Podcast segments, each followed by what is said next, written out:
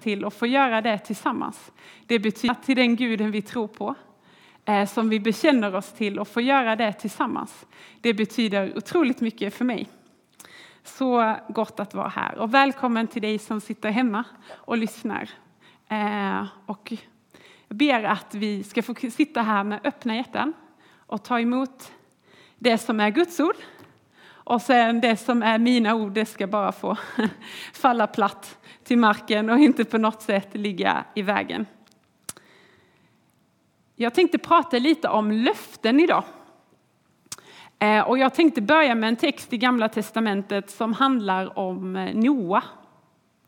Och i varje tid så verkar det som att just den här berättelsen fått stå som en påminnelse om att Guds tålamod kan ta slut. Finns det någon räddning? Vem kan trotsa Gud? Vem kan stå emot Guds vrede? Och vi läser i Första Mosebok 6, verserna 5, och 6 och 13. Och Herren såg att människornas ondska var stor på jorden och att deras hjärtans alla tankar och avsikter ständigt var alltigenom onda. Då ångrade Herren att han hade gjort människorna på jorden och han var bedrövad i sitt hjärta. Och då sade Gud till Noa, jag har beslutat att förgöra alla levande varelser, ty för deras skull är jorden full av våld. Se, jag ska fördärva dem tillsammans med jorden. Det är ju en ganska tung text. Den är ju inte sådär tjoho, eh, utan berättelsen börjar med att Gud ser all ondska och att alla människor har blivit onda som han har skapat. Och han bestämmer sig på grund av det att göra slut på allt liv. Och detta tema upprepas hela tiden i Gamla testamentet, att människor överger sin Gud. Den Gud som har visat dem nåd och barmhärtighet har de trotsat. Därför står domen inför dörren. Gång på gång berättar Gamla testamentet att om vi människor skulle lida som våra gärningar förtjänade så skulle allt vara slut. Det skulle inte finnas något hopp. Önskan skulle vinna och det skulle bara vara död och undergång kvar. Det skulle ta slut. Men i texten så kan vi läsa att Noa hade funnit nåd inför Herrens ögon. Men vare sig i Noa-berättelsen eller någon annanstans i Gamla testamentet tar det slut. Istället leder varje berättelse fram till, det, till den som läser eller hör det, att det trots allt finns hopp och tröst att få. Men vad är det då som gör att dessa berättelser i Bibeln rymmer hopp? För de är ju ganska fruktansvärda. Kaosmakterna släpps lösa och här i Noa-berättelsen så är det vattnet. Vattnet representerar kaos, död och lidande. Och det är ju inte utan obehag som vi läser de här texterna om vi tänker tillbaka till tsunamin, översvämningen, andra översvämningar som har hänt lite närmare oss. Då, liksom nu, så är det ju lätt att, man, att frågorna ställs. Vem är egentligen Gud? En sak är säkert, när vi ibland säger att vi vet inte om vi kan tro på Gud, så skildrar Bibelns Gud att Gud vill tro på oss. Att Gud vill tro på dig, att Gud vill tro på människan. Han hoppas och han vill att vi ska leva i gemenskap med honom. Därför lider Gud av vår ondska när vi vänder honom ryggen. När vi, han ser hur vi störtar oss i fördärvet i högmod och övermod så är det som att Gud inte kan släppa taget. Han vill förbarma sig. Därför tycker jag det är så tröstefullt att det står just att Noa hade funnit nåd inför Herrens ögon. Att trots att berättelsen om Noa är otroligt allvarlig så blir det som att Noa visar att det finns hopp. Och att den som vandrar med Gud, då stillas Guds vrede. Noa, en man som Gud älskar, som gjorde det som var rätt i Herrens ögon. Han var rättfärdig och fullkomlig i Guds ögon. och han gick med honom. Alltså, Gud säger till Noa att bygga en ark. Och för att rädda Noas familj och djuren och två av varje sort. Arken som han byggde var 150 meter lång. Det är ganska många meter. Den var 35 meter bred och den var 15 meter hög. Regalskeppet Vasa sägs vara 60 meter, om ni har sett det. Han byggde detta själv. Jag kan ingenting om båtar, verkligen inte hur man bygger. Men det måste ju ta tid att bygga. Och han gjorde det dessutom väldigt långt ifrån vatten. Han gjorde det på torra land.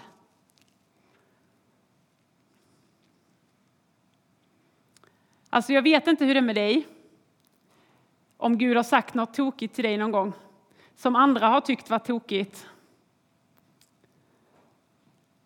Och så har du ändå gjort det, för du vet att det är Gud som har sagt det. Och det verkar ju vara så att Noa han bygger och han bygger och han bygger. Och Gud räddar honom och hans familj. Och vet ni, när vattnet har stigit och översvämmat hela jorden så precis innan vattnet sjunker undan så står det att Gud tänkte på Noa och vattnet sjönk undan. Jag vet inte om ni har tänkt på den versen innan. Men det står att Gud tänkte på Noa och vattnet började sjunka undan.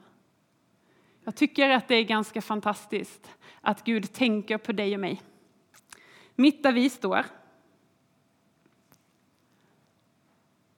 Och när han tänker på dig och mig så har han också lösningen för det som ligger framför dig. Men med Noa-berättelsen så finns det ju också ett löfte. Och det är det löftet om regnbågen som regnbågen symboliserar. Och Gud sade, detta är tecknet på det förbund som jag för all framtid sluter med er och med alla levande varelser hos er. Min regnbåge sätter jag på skyn och den ska vara tecknet på förbundet mellan mig och jorden. Och vi läser så här att Gud lovar att aldrig släppa, ner, släppa lös kaosmakterna över mänskligheten igen för att förgöra dem, för att utplåna dem. För när kaosmakterna släpps lösa är det Gud själv som drabbas. När Gud, för att rädda sin skapelse, sände sin son Jesus. För att dö och uppstå för oss. Kristus dog för att försona vår ondska. Så Gud har inte övergett oss eller glömt oss. Han är vår framtid och vårt hopp. I hans kyrka finns det en ark som står stadigt under oss. Som för oss till frälsningens hamn där Gud skapar allting nytt. Så nästa gång när du ser på, på regnbågen, tänk på det förbundet. Tänk på att det gäller dig och mig. Att han lovar att inte förgöra mänskligheten.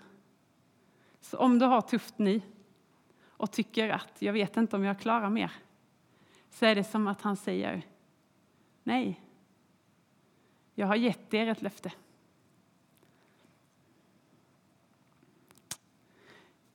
Vet ni hur många löften det finns i Bibeln? Över 3000. Och om jag skulle gissa här så kanske många av oss kanske bara kan räkna upp det som ryms på våra händer. För jag blev förvånad när jag insåg att det var så många löften i Bibeln som jag faktiskt inte var medveten om att det fanns. Och jag tänker 3000 löften, då borde det finnas ett löfte för din situation som du kan läsa ut över ditt liv. Ett annat löfte i Gamla testamentet är det löftet som Gud ger Abraham och Sara. Alltså de skulle få barn och Gud säger det på ålderns höst till dem. Att de ska bli föräldrar till många. Så många folk att man inte kan räkna dem. Och det står i Första Mosebok 17, 1-5. När Abraham var 99 år uppenbarade sig Herren för honom och sade, jag är Gud den allsmäktige, vandra inför mig och var fullkomlig. Jag ska sluta förbund mellan mig och dig och jag ska föröka dig mycket. Då föll Abraham ner på sitt ansikte och Gud sade till honom, du ska bli fader till många folk. Därför ska du inte mer heta Abraham, utan ditt namn ska vara Abraham, ty jag har gjort dig till fader för många folk. Tänk, 99 år och Sara 90. Att vara barnlös på den tiden, det var inte så lätt. För oftast så förväntade det sig att man skulle föda en son eller flera söner för att föra släktleden vidare, för att kunna beskydda ens egendom och ta hand om föräldrarna. Så jag undrar hur det var för Sara att få det där löftet och den där längtan. Jag vet någonting om hur det är att vara barnlös. När barnen inte kommer och alla frågar om är det inte dags snart? Eller en hand på magen och man förklarar, får förklara att man bara är lite tjock. Ehm, och det kan ha varit en, en resa att gå igenom. Ändå var min resa mycket lättare än Saras. För jag blev inte sedd på som mindre kvinna för att jag inte kunde få barn. Jag blev inte förkastad från min familj för att jag inte kunde få barn.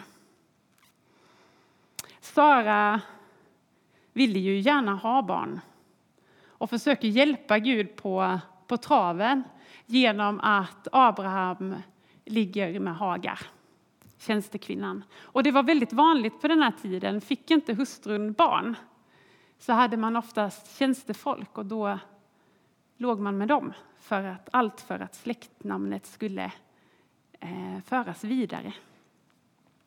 Men Gud uppenbarade sig och de fick änglabesök.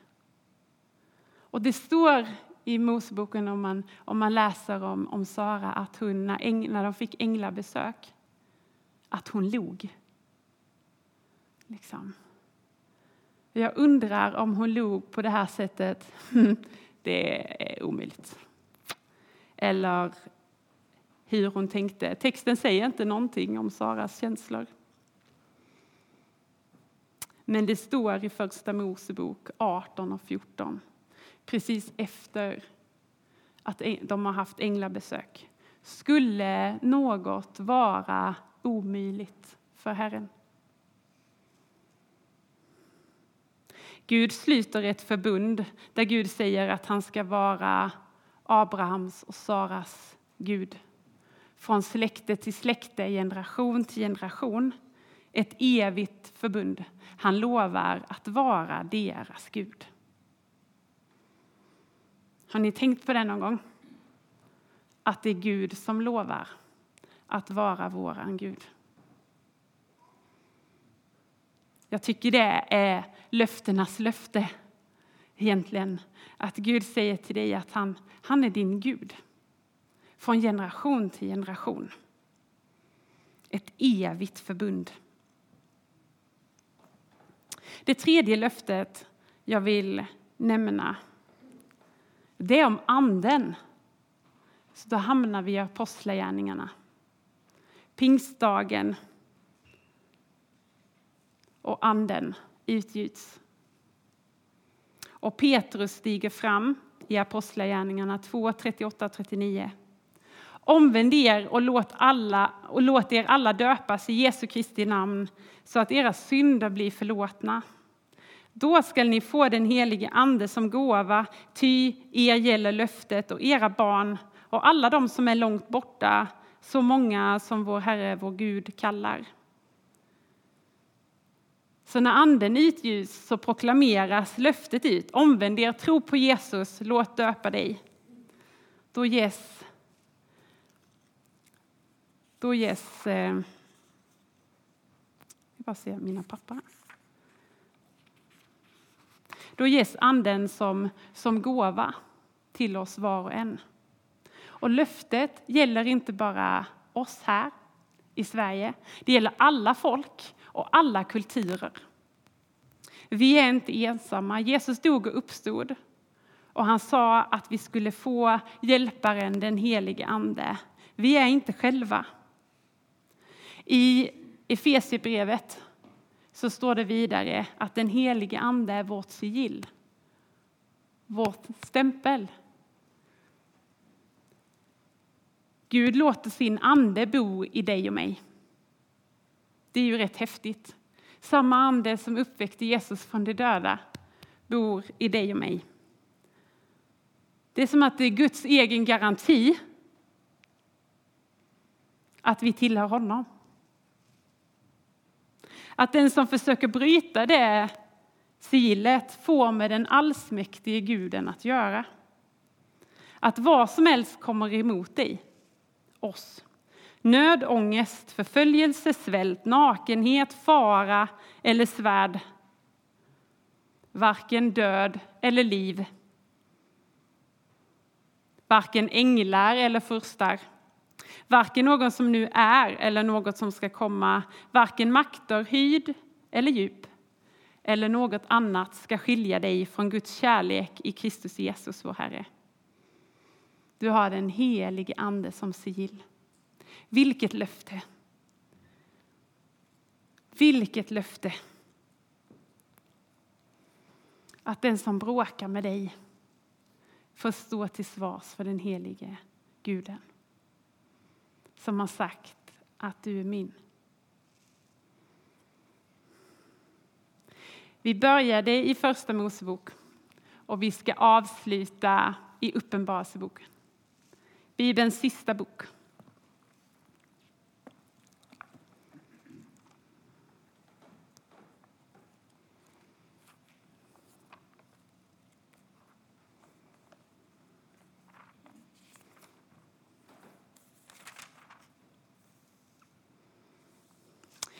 Vi är endast gäster här på den här jorden. Den här världen är ju brusten. Och det står i det 21 kapitlet att Jesus kommer tillbaka. Det kommer en tid som står beskrivet. Se, nu står Guds boning ibland människorna. Han ska bo hos dem och de ska vara hans folk och Gud ska själv vara hos dem. Och I vers 4 så står det, och han ska torka alla tårar från deras ögon. Döden ska inte finnas mer, och ingen sorg och ingen gråt och ingen plåga. För det som förr var är borta.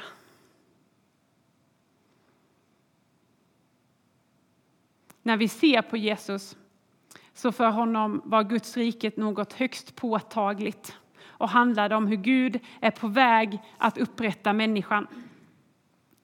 Himmelriket var ju inte bara att vi ska få komma hem till himlen, till Gud.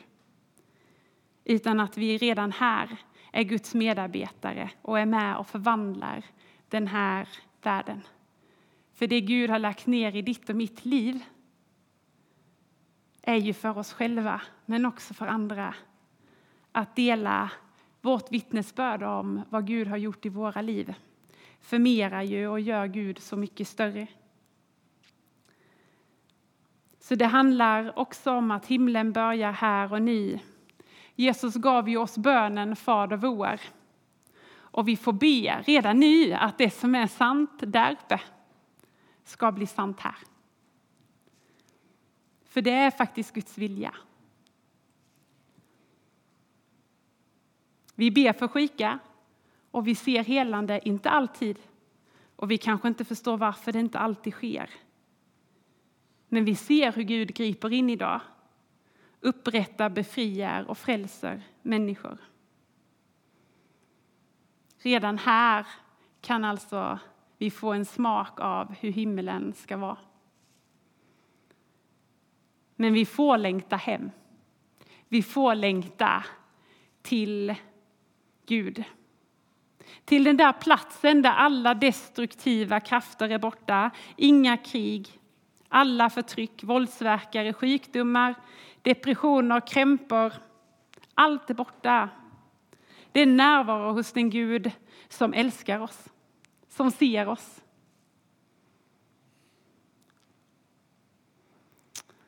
Löftena jag har pratat om idag handlar på något sätt om hopp. Men hopp kanske inte bara är så där framträdande från början. Man måste läsa dem. Gud lovar att aldrig mer släppa lös kaosmakterna över oss. Han lovar att ingenting är omöjligt. Han lovar att vara vår Gud. Han har gett oss den helige Ande som ett sigill att vi är hans. Och Jesus kommer tillbaka. Det är ett löfte. Och en dag ska vi leva i närvaro, helt upprättad av Gud. Så hoppet, oavsett om det står mitt i en berättelse eller det bara är så där självklart. Så i de löftena som står i Bibeln, det kan vara skarpa berättelser, det kan vara tunga ord. Men det ger hopp och tröst. För det finns inget löfte i Bibeln som säger att det är ute med dig och mig. Oavsett hur du har det idag. Oavsett vad du tänker på. Som du säger, ah, Maria, där kanske du har fel. Så finns det inget löfte som inte gäller dig. För dig som behöver hoppas idag. För dig som behöver se in i Jesu ögon. Så vill jag avsluta min predikan med att be. Så för dig som sitter hemma vid webben, sträck dina händer. För oss som sitter här, sträck våra händer. Så ber vi. Jesus, tack för alla löftena i Bibeln som talar om att det inte är kört för oss, Gud. Du ser alla oss som vill vandra med dig, Herre, och du ser den som har sträckt sina händer idag. Som vill hoppas, men kanske inte riktigt känner att hoppet finns där. Kom, kom och visa den väg du har. Herre Jesus, kom med din helige Ande och omslut varje människa. Här i salen och på webben, Gud. Kom med din kraft och med din nåd, Herre Jesus. För du vänt ditt ansikte mot oss och vill ge din frid. I Jesu namn. Amen.